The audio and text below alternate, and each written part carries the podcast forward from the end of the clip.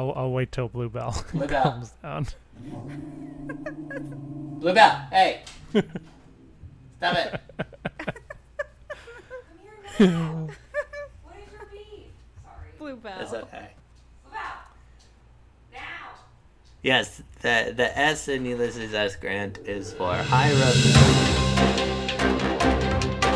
Good evening and welcome to Presidential Deathmatch, the only presidential debates that matter. My name is Aaron Garrett, and joining me as always is Dennis Buddy. Hello. Today on the program, what does the S in Grant stand for? A local podcaster calls President Bush's paintings the C word, and to get a tour of the not too bougie galleries in the Bay Area. Tonight on the program, Dennis and I will be conducting a Cleveland Blaine style debate, which means that the candidate who sires the most bastard children wins. We will be arguing about whether Franklin Pierce or Ulysses S. Grant would make the best contemporary artist. and we are joined by guest moderator Christine Cooper. Christine, it's nice to have you on the program today. It's great to be here. Excellent. Dennis, how are you doing? I'm good. Had a very eventful weekend. Yeah, did y'all end up uh, doing anything to mark the non occasion? We yeah, we did a bunch of uh, fun things. We made a three-tiered wedding cake. Three three three layer, not Okay. three tier. Not three tiers. three three tiers I think beyond our current abilities. And three layer we now understand is exactly within our abilities. So we we did that. Fantastic. Had a bottle of champagne from Napa. From, Wonderful. That we've been saving that Christine got us when we were in California last. Christine, were you up to anything interesting this weekend or this week? Um, this week I I've gotten into bike riding as my coronavirus hobby. Wonderful. It's a good way to get out of the house, and I live in Oakland where they've blocked off a lot of streets from car traffic, so you can bike ride lots of miles quite safely. So did a couple long rides, and that's about it. Fantastic. Uh, th- this morning, my wife decided to wake me up at 5:30 because that's when she goes running. Is at 5:30, and she said, "Hey, I thought after I go running, we could go play disc golf." I said, "Great." Nice. So so I woke up at 5:30 and then I walked down to the park. She drove me to where she was going to run and then I walked a half hour to the disc golf park and then realized that uh, in in all the coronavirus excitement, the uh, Houston Parks Department took away all of the disc golf baskets, so it was impossible to play the game. And so I stuck around the park for an hour until she was done running, and then we went home. Well, growing up, we always I we played a lot of frisbee golf at my house. It, it was like an old farmstead, and Yeah. and we never had any old fancy chains. we would use Well, the world as our course. I uh, unfortunately don't have a, a lot of old farmsteads in suburban Houston, sadly. Dennis, we had uh, a debate last week on who would make the best man, either Chester A. Arthur or William McKinley. Voting for that is still open for another week. Currently, it's in a dead tie. Uh, and then, of course, we have yet to reveal the results of our debate two weeks ago as to which president would be the tastiest to eat uh, last week Gerald Ford was in the lead, and uh, it, it pains me to say once again that sometimes Ah, no. democracy does not return the results that everyone may like, and uh, Teddy Roosevelt ultimately did prevail. Oh man! People think Teddy Roosevelt's uh, better to eat than the Heartland flavor of Gerald R. Ford. Huzzah!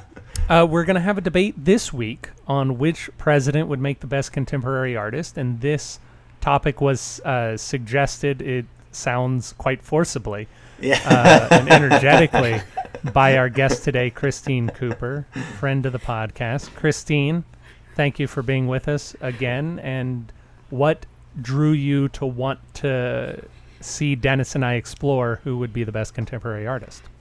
Well, I think that a lot of the topics you've explored so far have had less have, have had a less ambiguity than this hmm. question. Like, what is a contemporary artist? What makes contemporary art good? Um, you know, Andrew was able to very clearly articulate what makes someone Yes. tasty. Yes. And I think he broke it down into four points. And I don't know that you can make break contemporary art down to four points. And I think that often there's a level of just subjectiveness that comes to art. Um, and so I think that it will make the debate take some more interesting turns. Yes. Uh, before we begin to talk about uh, your opinions on contemporary art, what makes contemporary art good, and explore these various ideas, I think it'd be a good idea to uh, just put out which presidents that we know had some level of visual art ability. Yes. Mm. So we know of four presidents who painted. The most recent, of course, is George W. Bush, who has subjected his paintings on the world. Uh, I find them charming and creepy. Yes. Based, Christine, on your comments that I heard last week, I believe you are not of that opinion. No, I think creepy is a great descriptor. I'm particularly fond of his uh, paintings of himself. I believe it's in the bathtub Yes. His or feet. the shower. Yeah. Yeah. Yeah, his, his, feet, in the bathtub. It's, it's interesting. it definitely it, it triggers it triggers a reaction, which is a criteria with which one can judge It contemporary art. certainly is. Before him, Jimmy Carter is known for his mm-hmm. paintings. He sold several paintings at auction. They're okay. Yeah, they're all They're right. okay. Jimmy Carter stick to digging wells in Eisenhower Africa. seems like he was better. Yeah, Eisenhower. I keep the more I learn about Eisenhower, the more I want to keep learning about Eisenhower. Yeah.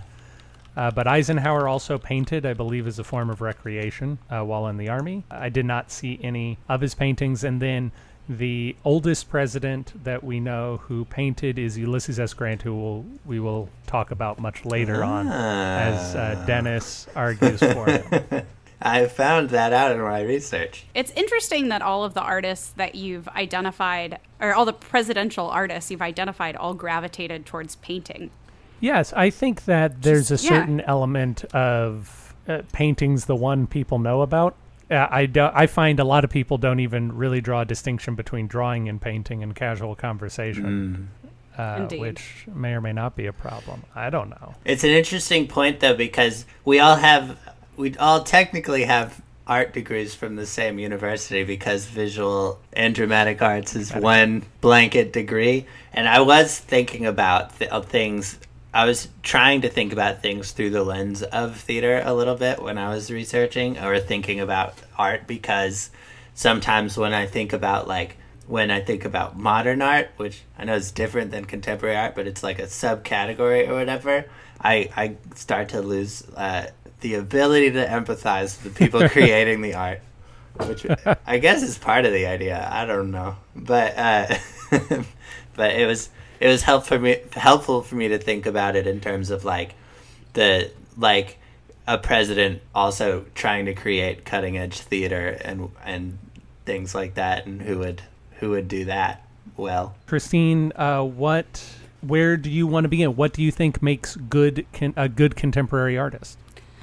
That's a great question. So I think that there's a couple of vectors you can analyze the quality of a contemporary artist on. Um, obviously, I think one that is most common is do you find the art appealing that they make? So that one's quite subjective, but I think that particularly when it comes to contemporary art, a lot of times the first thing you see when you walk into a gallery or a museum is a piece of art, and you just have to think, do I like that, right? When I've talked to a lot of people who have asked me to help them understand art, I always start off with the most important question is if you like it, and everything else from there is like layers of nuance. Secondary thing to judge a contemporary artist on is really their ability to analyze some element of their world, whether that's their internal world, the world going on around them, society, culture, even just the art world, and then come up with an opinion on it and figure out a interesting and unique way to visualize that um, or perform it potentially you know I, I think that performance art is definitely at times a form of art maybe not my favorite but Performance Has- art has is validity. at times a form of art. just as I've, I've I've seen some really weird performance art, Yeah. so it is a form of art, but sometimes it doesn't meet that appealing criteria. Yeah, Indeed. For me, very frequently, it is not one that I like. And then I think so. I, I think that there's the cultural context element of it. And then I think that the third piece of it really is tied to like how that artist fits in and i think this is slightly different than the point i previously made but like fits into the cultural dialogue right? Right. so is the artist making art that's relevant? I, I mean like the most basic definition of contemporary art is art made today right? Like art made mm-hmm. now and so I think that there's an element of that kind of when Dennis was saying modern art versus contemporary art, I think those two are um, similar but different in that like some modern artists are dead to be pretty basic about it, but really like contemporary art is art being made now. So by default, the people tend to be alive. Yeah. I read an article a little bit ago that was making an interesting point about a old, I guess, Latin word that isn't in use anymore, but it was it, quality, and then the word they were talking about is qualia. Quality is the kind of like if I'm trying to be a, the critic that I read their articles in the paper right now, whose job is to best rate this according to their understanding of society's collective ability to exalt this you know? Like is, it like mm-hmm. is this going to be an academy award winning movie that's like the quality? Whereas qualia that was just really enjoyable for me personally. And uh and it i don't care whether it was like something that people are to be talking about forever and ever. It's something that personally brought me joy. My understanding of what you're saying is, you know, if you think about my sister, Carolyn, uh, Dennis's fiance, uh, you know, she knows that Bridesmaids, or sorry, not Bridesmaids, Bridesmaids is a great movie. She knows that Wine Country is not Right. really a good movie, but it brings her so much joy that she really Yeah, doesn't yeah. care. Um, exactly circling back to the first question, I've always been of the belief that like there can still be good art that I personally don't like, but really that good art at least triggers a reaction. I think about my dad. My dad hates Mondrian. Mondrian is the doesn't? artist who painted big like grid like paintings that are mostly like black and white with some blue, red and yellow squares and like my dad gets so angry every time he goes into an art museum and there's a Mondrian on the wall. He storms out of that exhibit every time. And Mondrian is like an extremely famous artist, many people believe quite talented. And I think that actually my dad's reaction is proof that he has made great art because the fact it pisses my dad off that much is a sign it meant something, right? That is often something that comes up in television development. Is that a, uh, a in order for a show to succeed, it needs to have a healthy amount of people who hate it. yeah But Bus- yeah, that that yeah. capacity to engage. business books talk about it too um, oh, really? that when you're building a marketing strategy like say what you are not Do we feel like there is a, um, as Andrew sometimes puts it, we brought Andrew up, we brought him up. Uh, he will occasionally say that something is the crafts part of the arts and crafts. um, to what extent is a, uh, a a level of agreed upon mastery necessary in order to be a good artist? Yeah, I, I mean, that really resonates for me. I think that in uh, my experience studying studio art in college, uh, we had to take at least a couple classes on art criticism. And I, I oftentimes found it quite comical the amount to which a lot of art over the last hundred or so years has been about what is and isn't art and what is and isn't Yeah. a good place to display art. I think uh, one of my favorite art criticism papers I ever read, I believe it was called Into the White Cube, although I, I might be messing up the name a little bit, but it was kind of debating whether or not art galleries and museums were even like the right place to display art. And um, whether or not the fact that people are trying to make art to go into a gallery impedes the ability to make art. And it got very self like it got very complicated very quickly and then triggered multiple different waves of art shows where people would for example like announce an art show at a place and then have the gallery be closed and wrapped in duct tape for when for the time so that people showed up and couldn't see the art. Or uh, later versions, uh, like I think it's called slackism or something like that, or no, stuckism. Sorry, uh, stuckism in the like late '90s, um, early 2000s, where they opened up galleries but didn't paint the walls white; they painted them colors as like the big "fuck you." Um, and so, yeah, so I, I think that there has been like year, decades and decades of kind of this what is art and that constantly offending people. Yeah, the postmodern thing where it's like art art for artists kind of uh, is like a tricky thing to me always. And you see it in comedy too. There are comedy that's satirizing previous comedies, you know, because like everyone has Right. such a uh, such everyone has like such an internal lexicon for the actual art form. Something that I read once when discussing fashion was that fashion is important because it is a language that tells the people who like fashion that they all understand fashion. It was that uh, it, it was the idea that everything within this world is arbitrary, but the important thing is that we are all keen enough to be aware of the changes, and so we can communicate status in that way and I felt in again in my research that there was a little bit of that sort of idea uh, with people constantly saying that, well, good art is just what gallery owners buy and what collectors buy. Like there, there's just a uh, there isn't necessarily an objective measure that we can look at, but just it does the general will of the populace. Does it seem to support whatever is being created? Christine, do you think of that view as going with or uh, against what you have put forward already? Yeah, so I think a little bit of both, right? I think that when you think about it from like a pure capitalism in the art world perspective, like the things that end up in the the like fanciest galleries and cost the most money are the things also most likely to make it into pop culture, mm-hmm. right? You look at like someone like Warhol who's like probably like the most obvious example of someone who made some art, it got incredibly popular and now is like years years and years later still like printed on t-shirts in every other forever 21 like clothing brand you've ever been to. So I, I think that there's an element of that. However i don't know that that art is the most interesting all the time right? I think that like I go to a fair amount of like uh, contemporary art shows, and I guess they all are in galleries or spaces where someone is curating them. But definitely, you know, I'm not. I'm not that bougie. It's not super high end galleries. um, and so I, I think that there is an element of people make a lot of really interesting art that doesn't meet that bar. And some of that art is frequently like saying a lot or equally as beautiful, but for whatever reasons hasn't gotten the light of day right now. Because there is like a whole, you know, capitalist side of the art world that really does control like what people do and don't get to see. And so I think that it is important to, you know, wrangle with that. But but I don't totally disagree with the definition. I mean, I think music is very similar, for example, Yeah. right? Like everyone's everyone's heard of, I don't know, S- who's somebody. cool now. Everyone's heard of somebody somebody. Everybody's good.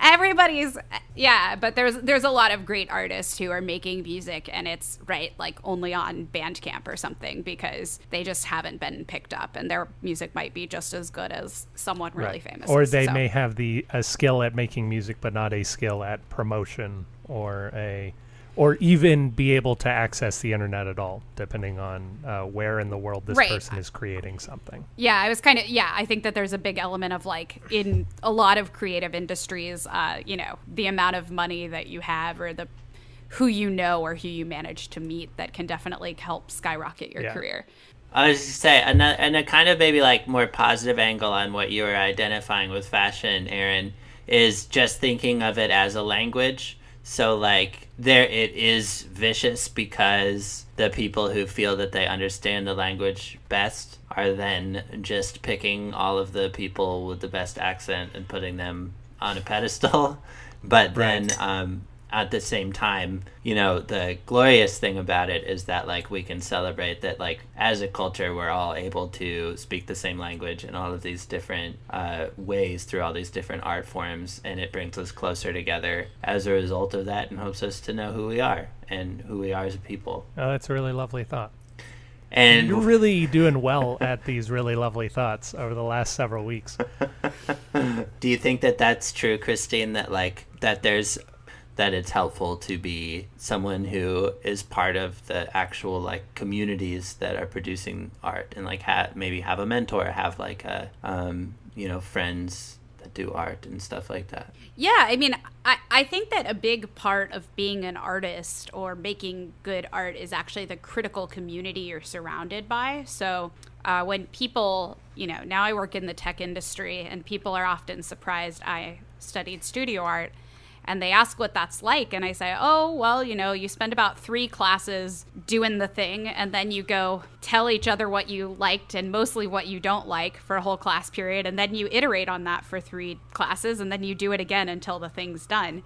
And they're always kind of surprised but i do think that that critical community, that dialogue about your art is really important. And so I think doing it in a vacuum is really, really hard. And so I think that, for example, a president who was not surrounded by any other people doing artistic pursuits who were comfortable with that type of dialogue would probably suffer from you know doing it in a vacuum or in a silo. And is it safe to say? Uh, I do want to um, potentially shift gears in this direction that we're going Yeah. where uh, we've been talking a lot about what makes good art in and of itself but of course we are talking about who would make the best artist which i think is a slightly ever so slightly different conversation. So do we think that an artist needs to be uh, challenged or challenging? To what extent does um, can we judge an artist? Is it merely by the quality of a single work? Is it by the average quality of all of their works? Is it uh, something intrinsic to their personality or how they engage with the community?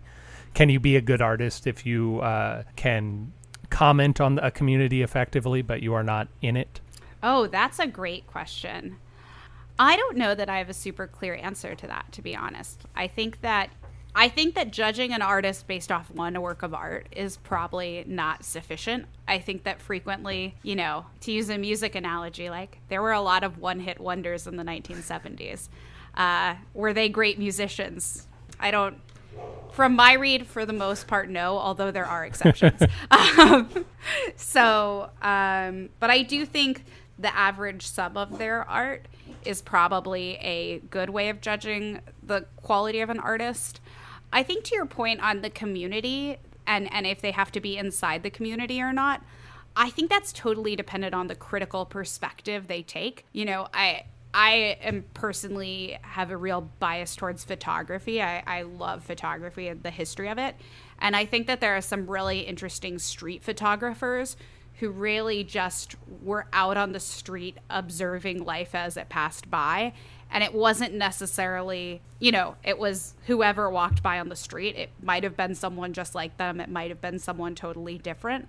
Um, and I think that they were able to make great art. I think similarly, there's been interesting art like documenting a moment in time that the person might not have been super involved in that community. But I think that particularly now, there's a lot of really, really deep and meaningful art made by people within certain communities about their community or like representing their community. And so I think that it kind of depends on like the critical lens you're taking. What like what are you looking for in a good photograph or a good gallery of photographs? Oh, a, to me, in a good photograph, um, for me, a lot of it is the composition of the photo and what they were trying to say by taking the photo. There's a famous photographer named uh, Cart- uh, Henri Cartier-Bresson, and he talks about photography as kind of there's a decisive moment at which you decide to like press your finger to the shutter and document that moment and that that's where the beauty lies in photography. Um, and i so I, I think that i often think about that when looking at a photograph like what does the exact moment that they decided to take that picture say uh, obviously composition factors into it and subject matter and then um, I actually am interested in a lot of like the technical specificity of photography. I, have spent a lot of my my life in a dark room, and so you know, I'm I'm kind of a nerd about like how they got the end effect that they got Cool. Kind of a, a, similar vein i think a lot of people when they're learning about contemporary art kind of the quintessential like thing people love to be frustrated by is like a blank white canvas or something and they're like or or a drawing that's like scribbles um, is the way it's commonly described. And and i've heard a lot of like yeah but my kid could do that or like it didn't take any talent to do that. And i think one of the like most common arguments for why the art is valid in that perspective is like but your kid didn't do it right? Like that like this person is like absorbing all this cultural context and like found this to be the best way of like explaining their perspective on the world um, and that there's a lot that went into that scribble or the decision to hang a blank canvas on the gallery wall. If you got something different out of it that's fine. If you got if you got anger and frustration like out of it that's that's that's fine. It's impressive. I uh, the fact that the the anger and frustration continues is, I, I think, uh, the most important part of that entire thing. It continues to affect him, no matter Yeah. how many times Yeah. he is confronted by this similar imagery. yeah That's Because the, and it's been a lot of times Christine, do you feel like commercialism taints one's uh, quote unquote greatness as a contemporary artist? For example, I have a hundred board games. All of those board games have a lot of art assets. They have graphic design. They have illustration. They, they have things that theoretically one could put in a gallery somewhere one could imagine being blown up, but they are being used for a, another purpose entirely. Would that exempt someone from consideration? I think from my perspective, does it taint someone's like artistry? No, absolutely not. Because like the reality of living in this society is that you have to make money. And um, if you're a talented artist and breaking into the pres- the prestigious like art gallery type of world isn't in the cards for you, then and and designing board games is, then like go do that. I'm sure your board games will be beautiful. Um, I personally have a lot of friends who are talented artists who have either gone into graphic design or like illustrations for media publications because that's um, a way of making money.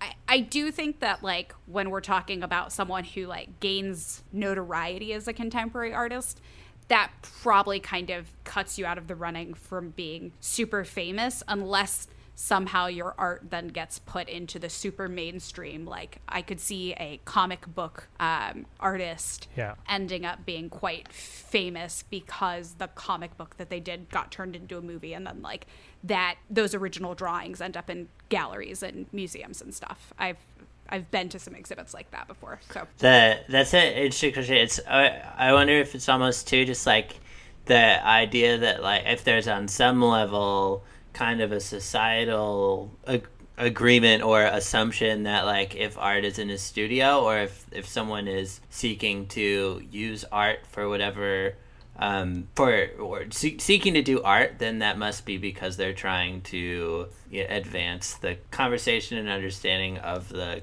you know collective mind.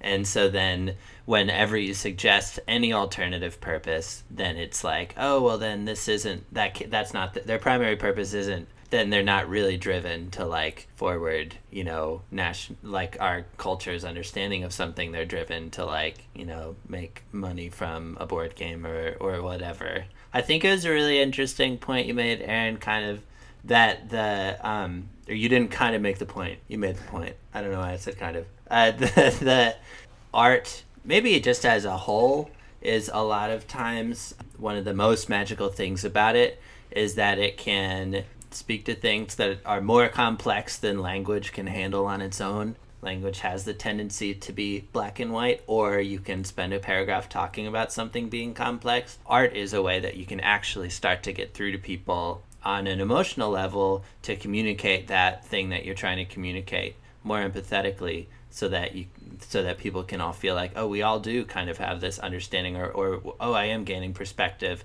just from experiencing this art and a painting does that in one way theater does it in another way so it actually reminded me of a couple plays that i've seen and or heard of that are almost like adaptations of paintings one being Yeah. red uh, did you see Red Sure. when it at the alley? And it's about Rothko's life. I did see Red. Red was great. so good, so good, and it, and it really at the at the end of the like I went in thinking Rothko was kind of silly and left having a lot of respect for Rothko Oh. because it because the my language being much more theater in nature, it was a way that I could have art communicate to me what Rothko is communicating to people, more or less, Yeah. you know, uh, through his paintings. And then, isn't there a, a play about uh, that white canvas? Yes, there is. I was I was potentially going to bring it up, but then Christine did uh, a, a very eloquent job of explaining everything that I would have done and just quoting. But there is a play by Yasmina Reza uh, called Art. A man has spent thirty thousand dollars on a uh, on a I believe it's forty eight inch by forty eight inch white canvas uh, with white subtle white diagonal lines and the the plot of the play is that his friend uh, can Mark still respect Serge since Serge has bought this painting? Since Serge has so obviously wasted his money, can he continue to respect him? And then by the end of it, he comes to an understanding that this painting has means something to his friend, even though he can't see it. And then later on, he does see it. Ah, twist. I know. Or a character arc. One of the two. It's either twist or a character arc. And then in Act Two, he's dead now, and he's stuck in purgatory, and he's observing his friend, and he's coming to a deeper understanding of. No, just kidding. And I don't necessarily think that we need to do this if we don't have interest in it. But Christine I wanted to talk, see if you had any opinions on the way artists are portrayed in uh, dramatic media. Oh, that's a that's a great question. So, I feel like artists are particularly traditionally like portrayed as chaotic, you know, kind of for lack of a better term, a bit crazy, quirky, weird out there, wearing clothes that don't make sense. I don't know. Maybe that's me being No, I would- I was going Uh, to say, I don't know that I know of any respectful portrayal. They are either always put on a pedestal as this man is a genius, is a troubled genius, or they are uh, crazy, as you say. and and I think the reality is that a lot of artists who I've met at least are like I don't want to say pretty normal, but you know they're with they're within the realm of like reasonable people. You know, you can talk to them about not art. Um, they don't only own clothes covered with paint. I don't know, like Prince is that archetype. He's as much of a uh, one of one of Christine and Joey's friends I met once. Definitely is what you would be down downplaying him to to ha- to have the most out of control character in your. He's he's and he's a he's. Although, ahead. oh no, no, no! I was gonna say I did think of a um, kind of exception to that rule actually, but um, I I don't know if you have seen, um, but Netflix had a show. Uh, Black AF that came out at the beginning of coronavirus, and my boyfriend and I watched the whole thing. And uh, there is actually an episode that's kind of very similar to the white uh, painting episode that you were talking about, where uh, the main character buys he's he's um, a very famous movie producer. He's super rich and he buys this piece of art by a um, very famous artist and he hangs it in the wall of the mansion and like his wife comes in and is like why did you buy this? She finds out how much he spent on it and she's like it, it, this is awful. Every one of his kids comes in and it's just like why did you spend that much money? Like he throws a party and the artist is there and the artist is the most is is is normal seeming within the context of the party and he's just staring at his own piece of work. And i think the end is that then like the wife comes up to the artist and starts talking shit about the painting. And he says something about it that like totally changes her perspective on it. But he's he's portrayed he's portrayed Okay. quite normally. Um so that that is the I, I was like I did think Nice. of one exception There we go. but yeah, I think in general. I do want to say too that uh, France's paintings are super good. That's the other thing. He's a really good artist. There we go. One of Christine's friends. Yes, I, I have a number in my house.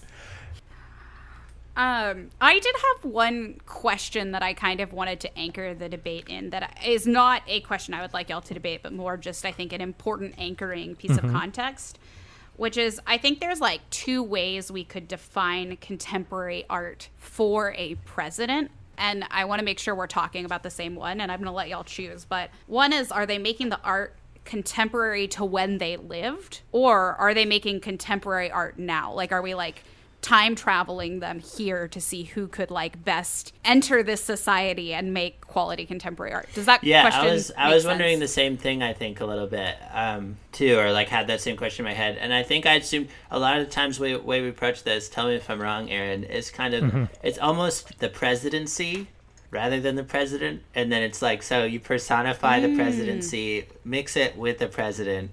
And then I guess we've done both ways, but I, w- for this one I was imagining that'd be there. T- it's today. What do you think, Aaron? Uh, we often personify the presidency and as well as the president itself, and we take that and apply modern values to it. Great. That was that was how I started thinking about the question, but I then I realized that there was there, there was a second interpretation, and so I wanted to make sure that we were both that you were both were debating the same interpretation because I think it would be impossible to judge if you weren't. Well, it's already impossible to judge between Dennis and I because we're such lovable scamps. I would say, uh, I think, was I wanted to mention uh, wanted to mention that to Christine that uh, Aaron and I were very close to deciding that I would do that he would do uh, George W. Bush and just talk about his paintings for the entire debate, and then I would do Garfield and then just talk about how Garfield as a comic strip is contemporary art, and then that'd be my only point for the debate. But we decided not to go that direction. But I wanted Yes. to bring it up at some point. that was a plan. You know, I uh, that would have been a great troll. All right, when we come back, Christine will moderate a debate on which president would be the best contemporary artist.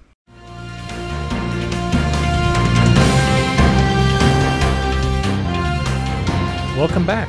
Dennis and I are about to debate which president would make the best contemporary artist, as moderated by Christine Cooper. I will be arguing for 14th President of the United States, Franklin Pierce, and Dennis Ulysses S. Grant. Ulysses S. Grant, uh, 18th president, I believe. We don't usually say the number, but I felt like being fancy today. Artist Cheryl Haynes says of an artist that they must have a clear intention, unwavering dedication, patience, perseverance, self awareness, and the drive to create for themselves and no one else. Franklin Pierce was a president uh, amidst a terrible time in American history with the conflicts between the South and the North tearing the country apart. Franklin Pierce was a man of the North with sympathies in the South. He was an internally conflicted man who was desperately trying to get his ideas out in a world of challenge and turbulence. And for these reasons, I think that Franklin Pierce would make an ideal contemporary artist. He has a desperate need to communicate something very important within himself, and he has to use things that are not words alone in order to express why his beliefs are so important to him. As we step through Cheryl Haynes' definition, we can see that it applies specifically to Franklin Pierce. He has a clear intention in everything that he did. He wanted to keep people together. He has an unwavering dedication to his goals. In fact, he was willing to sacrifice every part of his personal reputation in order to maintain the values that he sought. He has patience. Uh, he left public life before becoming president, but knew that he wanted to re-enter, and he he had the good sense to time his entrance back into public life when he would be most successful. He has perseverance for that very same reason, as well as to weather the slights against his character during the Civil War. He has self awareness. He knows who he is and what he appears to be from the outside, specifically to Northerners who did not appreciate his viewpoints, and yet he did not let their attacks crumple his own internal vision of himself because he had a drive to create a better country for himself, and he would not let other people stop him. Uh, he, as I said, Franklin Pierce has a need to communicate and a specific opin- opinion that is challenging him. I'll address uh, some of those things later, but first want to just start, as we do here, with the things that make uh, Ulysses S. Grant um, an artist, and as and then if I imagine him as a contemporary artist, it's not too big a leap. Uh, so starting with the confusing statement I just made, uh, he was he was a, a painter indeed. He uh, he actually was painting from a young age and even by the time he was 18 was doing uh, really nice paintings that he was giving away willy-nilly uh, such as to his girlfriend which i think is evidence as aaron would say of someone who's doing art for themselves. Uh, i mean he gave it to his girlfriend but he wasn't doing it because he had some way that he wanted to grow and become greater or something he was doing it um, for love. He was doing it for self-expression. Um, and then he went on to West Point and was very close with the art professor there, who uh, the drawing professor, who's a f- pretty famous artist in his own right. So that begins Grant's time as a member of the art community, which he stayed a part of uh, through his entire life, dying whilst writing, finishing his memoirs about the Civil War with his close friend and confidant and producer, Mark Twain uh, who you might have heard of in the art form of novel writing. Um, and it the the art that is uh, war is also one that he's familiar with as the man who uh, really won the Civil War, and historians, as they reflect on him, more and more are appreciating the fact that he uh, won it through being able to empathize with both sides, um, understand that it was complex, um, more than just a, a, a war is not as black and white as it seems. Just like just like anything that takes any art form that takes complex strategizing, and it's just one more way that we see that he uh, was a genius uh, when it came to the artistic medium thank you for those opening arguments. You're welcome. So I think that one of the things that's really interesting is that you both picked um, presidents in very close succession who were kind of around at a time surrounding this like deep time of struggle and chaos and war. Um, and you know, a lot of really interesting old drawings actually come from kind of like old political cartoons where people really like took a side and a perspective and like drew you know for a local paper or something like that. It was really uh, some of the only art that really was broadly distributed back then. Um, so i think that both of you kind of spoke some amount to the president either understanding both sides or um, feeling some sort of kinship to both sides. And i'm curious given that uh, what perspective do you think that these that and Grant would bring to their art, and how do you think that would come across in the art they create? So, do you think that their art would be more focused on their internal struggle, and if so, how do you think that would manifest? I think there's a tradition of artists uh, who make art about their internal struggle. One modern artist doing that is Kusama, who's out of Japan, who makes a lot of um, art that people believe is tied to her you know, obsessive, uh, intrusive thoughts. Um, she's very famous. Um, there's art critiquing the art world. That doesn't seem super applicable here, but there's people making art about history and the role it has, or people making art like interpreting their society, or there's people making art that's just beautiful because beauty's what cuts through at a time before. So I'm kind of curious, like, what what would the perspective that they'd bring and then how would that manifest in a piece of art that they would make? So the fascinating thing about franklin pierce is i think that he would describe his work as very external and i'll explain what i think he would bring to it. But but i believe that the internal struggles that he had that he never really talked about or uh, aired in public life would come through in his work. And if a person understood his life, they would see how his work is affected by uh, the deep personal tragedies that he sort of constantly experienced in his adult life.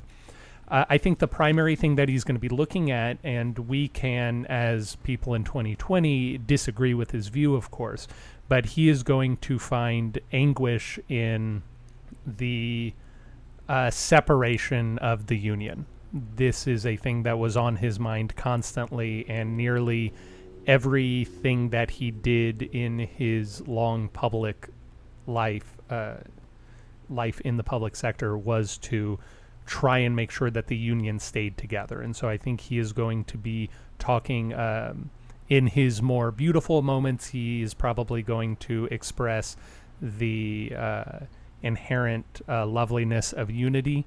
And but I, I think he is going to be a particularly dark soul who has a lot of things being rendered apart and being drawn out and becoming weaker from not being together and then you are also going to have various imagery uh, of um, of blood and loss and uh, sort of darkness and depression that is going to permeate from that even though he is externally a very seemingly a very happy man internally he's very dark and so his work will be surprising in that way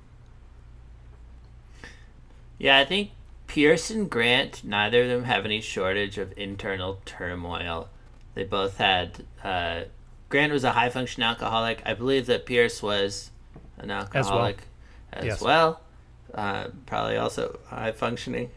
Um, sure. one would assume, but. Um, and uh, I think certainly in Pierce's case, I think also in Grant's case, it's the result of a lot of, um, you know, tragedy, personal tragedy kind of gotten you to this place where you're coping in ways and develop dependencies. Um, being a war general is a misery that I cannot imagine. Um, the Civil War entire in, uh, as well, um, just in, in and of itself, um, was such a bummer. Um, but Grant also, as a kid, um, he was right on one of the uh, he's right on the Mason Dixon line and married uh, his father-in-law he didn't marry his father-in-law. He married such that his father-in-law uh, was a slave owner his whole family very abolitionist. Uh, so he brought that turmoil right into his home um, but it also i think something that's interesting looking at that is the uh, is there was a choice and so it kind of highlights his um, his like his, his indecision, which is I think where a lot of this comes from, is that internal paradox and that internal chaos. Um, he was also a, it, raised in a Methodist family, but he didn't go to church. Um, I think not having that kind of spiritual uh, is another thing that can uh, help an artist turn to art uh, to look for that. So I think that um, he would be wrestling on the canvas with um, spirituality, mortality, crisis, and then certainly with um, with freedom for and equal treatment of people um, when it when it's not you know when it's not what so many people in the country want and when it's going to cause a lot of death. Although he felt pretty sure about that, I think also a lot to wrestle with for him as the leader of the free world. A lot of blue tones. wow. A lot of a lot of blue tones. There actually is a uh, contemporary artist, uh, Yves Klein, whose greatest contribution to the art world is coming up with a specific shade of blue well, thank you for those answers. Uh, they're very interesting, and I think they actually touched upon, you know, some of the things I was thinking about coming into this conversation. One of the things that's definitely changed between the time these these people were alive and this time of turmoil and this time of war is really how art is funded, and this is something we we talked about earlier. But you know, back back then, art was funded quite differently. Most artists, uh, really, if they did ever get famous, tended to get famous after they died, and maybe you had a very rich person be your patron. Um, now, obviously, as we've discussed in great length um, in during this podcast, there's a bunch of different ways an artist can make money or commercialize their work, whether that's through deciding to take part in the contemporary gallery system, all the way to uh, graphic design, designing board games. How do you think your president would decide to make money as an artist? You know, once the presidency is over, you got to pay the bills somehow. Go first. So it's quite apropos this question for Grant because he uh, he actually was pretty not good with. Uh, he had a lot of bad luck. He got swindled, and so very towards the end of his life ended up without any money, and then realized he uh, was gonna die of cancer. So he moved to he went up to uh, Wilton, New York, which is where we used to go to see movies. That's where the cinema was, and he uh, wrote his memoirs, which he had earlier in his life vowed not to do. So, uh, um, and then Mark Twain was his yeah like producer on that. Although th- apparently Mark Twain did very little rewriting, really just proofread it. Um, but uh, I think yeah, that's an example of him, you know, committing to an art form in order to make money and using his name. So, uh, but I think that um, also something to note is that at that time, the uh, Metropolitan Museum in New York came to be by a group of private funders who were getting really into art and he was right there in the city so i think that if he decided earlier or if he'd gotten into painting uh, he might have tried to catch that wave. And um, having been someone who struggled financially during a lot of different periods in his life he was very scrappy and i think that's really where a lot of his i think he must have been really really good at strategy and stuff because they still study his like war strategies and stuff. So i think something in his brain was neurons were different you know but i think also he uh, just from being so scrappy i think that's where a lot of his positive qualities came from and so i think he would know how to monetize uh, his art though it wouldn't be core to his purpose So, for better or for worse, Franklin Pierce is a member of what might have been called back then the landed gentry, or what might be called now a trust fund kid. He had quite a lot of money and he knew how to invest it well. And so, I think he's going to be that class of person who can kind of fail for as long as he wants to in the art world uh, and support himself, which on one hand is good. It means he doesn't have to compromise exactly what he's doing. So I don't think that making money is going to be a thing that he is incredibly concerned with. In fact, he uh, would often, th- this was even before he was president, he would often do pro bono cases for law. He, he would just kind of give away his legal services for free because he was making his money in off of investments. I think that with our discussion from earlier, where Pierce is going to most naturally fit is in a performance art. He has sort of the face and the voice and the body for performance art, and I think that a lot of his ideas are going of like the duality and tearing are going to be able to be expressed very powerfully through his body and so i think he would probably try to sell installations to museums or donate installations to museums of him performing uh, these uh, grotesque pieces of his. that that makes a lot of sense to me and i think that the other thing i'd say is as a member of the landed gentry it's likely you know trust fund kids are the ones who frequently have the best connections into the art world. I'm glad that you mentioned aaron this element of performance art because that was actually one of the other questions i had and so dennis you've i think you've toyed around but haven't specifically named the type of art or types of art that um, Grant would be most successful in making, and so I'm I'm curious what his medium of choice would be. In your yeah. I'd say paint. Yeah, and I think that yeah, because he did paint, uh, but it was you know landscapes and the like, and he did he did you know the memoir as well. But I think that he really loved painting, loved painting horses, and I would have loved to have seen a different version of his life where he uh, just went he just dove deep into the the painting thing instead of uh, being a soldier. Well, unfortunately, we didn't get to see Yeah. see what happened in that episode. So I have one last question, but it's it's kind of a one-two punch, and it goes back to one of our favorite topics from the earlier introduction part. So the most recent president to to paint is George Bush. And I, I did notice that neither one of you picked him. Dennis had uh, cued me into the fact that it was unlikely you would pick him. Um, but I do have two questions about that. So, um, one is like George Bush is, by the most basic definition, truly a contemporary artist right now. He is making art today. I mean, it's Sunday, so maybe he's taking the day off. Um, but he, he's making art as we speak now, so he is a contemporary artist. Um, so my first question on this George Bush tangent is, uh, why is your president a better artist than Bush?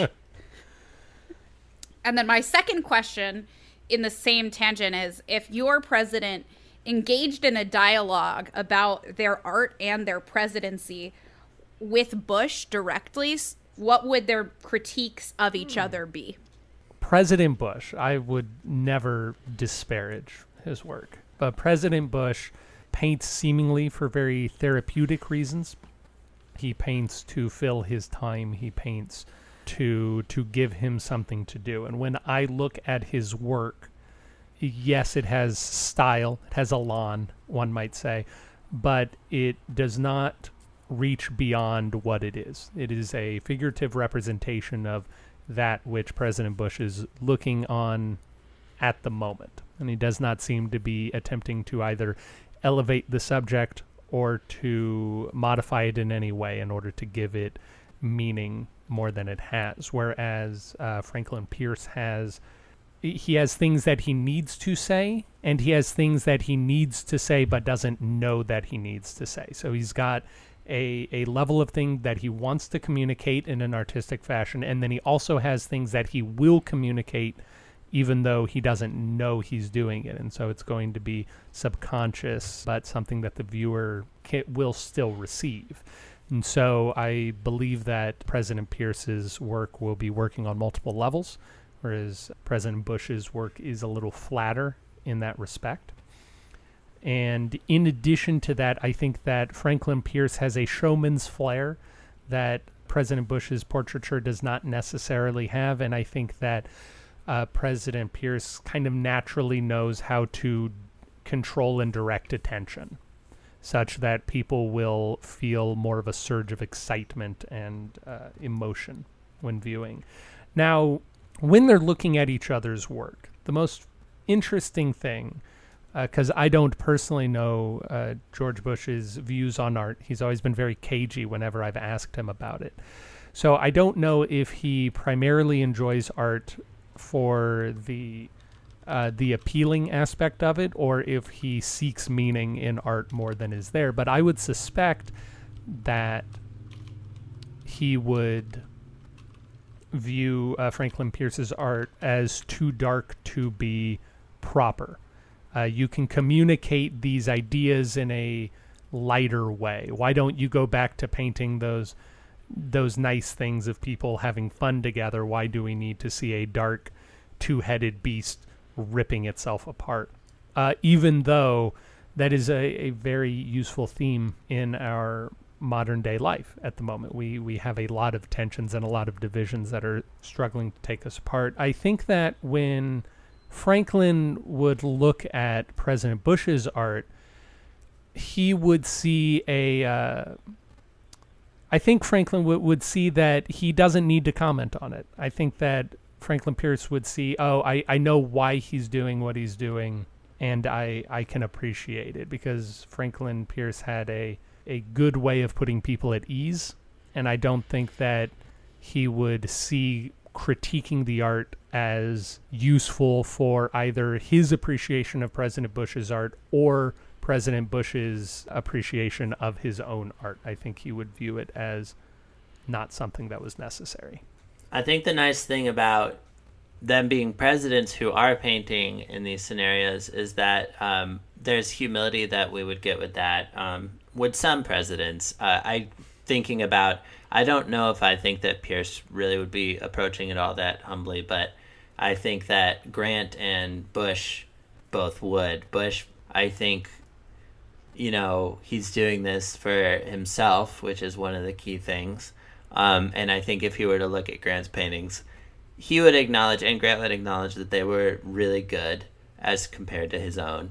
Um, but like, I think that Grant wouldn't say that. He would more maybe say, "Oh wow, like I really like what you did with your blues and such."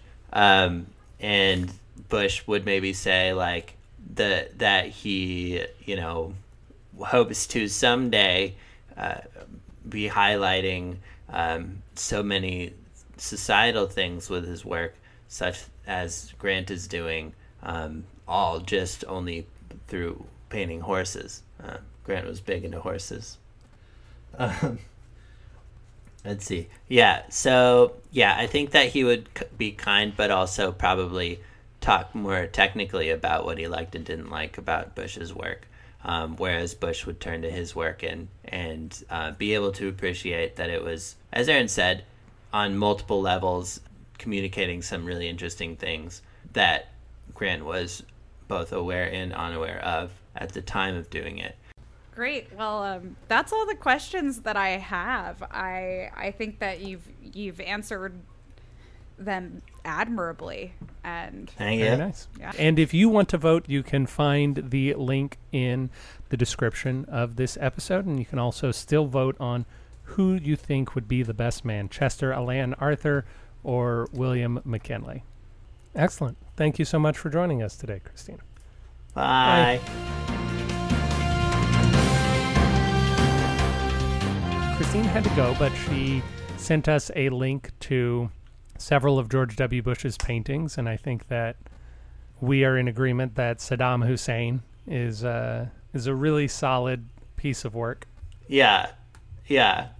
It's actually it actually does it is kind of sad to look at them just because it does make me realize that he's he, he's clearly doing it therapeutically and it's probably based on some real demons.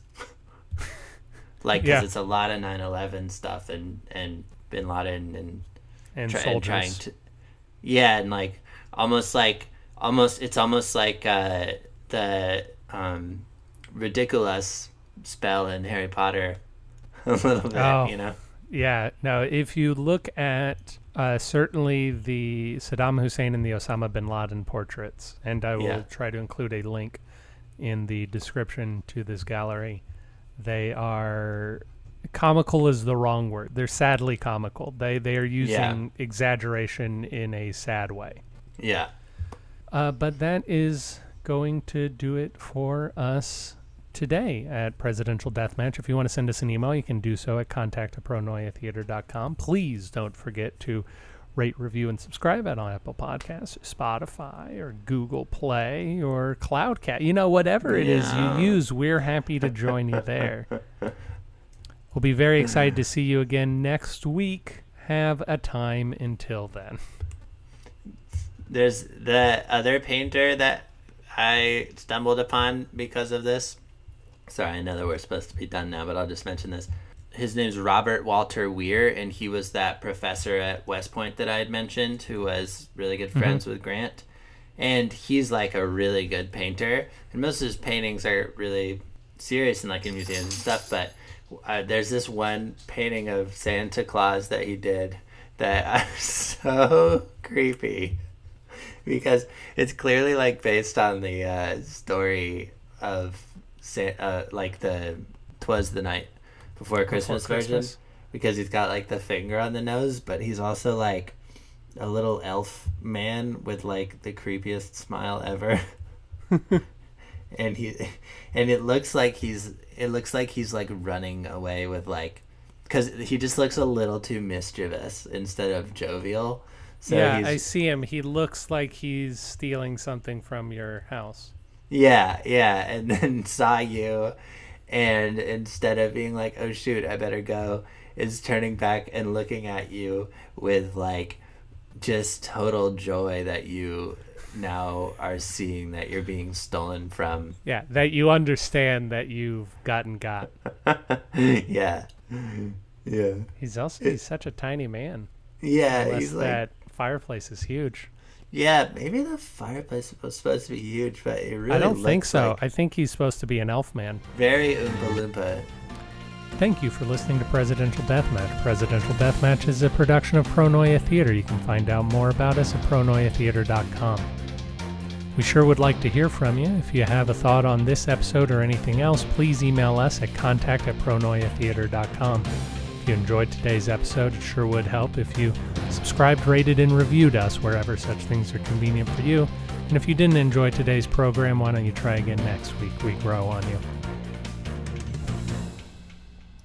And honestly, that's how most people are voting. Yeah. Uh, if you look at our vote totals, most people are voting for no one. To Yeah. bring things sort of full circle, I, I know you mentioned uh, Ulysses S. Grant's autobiography. I just want to say uh, Ulysses S. Grant set the precedent for presidents writing their autobiographies and selling them. He was the first person to do that. And then, in addition to that, uh, there is a play about Ulysses S. Grant writing his autobiography with Mark Twain. Oh, really? yes, it's called A Few Stout Individuals. That's awesome. Yeah. That yeah, that it's still the most successful one though, right? Or like the considered I- the best one. Yeah, I would be surprised if. Well, oh, so so it depends on whether you're talking about percentage or hard numbers, because I believe that one in three American households had a copy of the book, which is Wow. almost certainly more than anything else. But if you're talking about absolute numbers, I'm sure that My Life by Bill Clinton or The Audacity Right. of Hope by Barack Obama sold more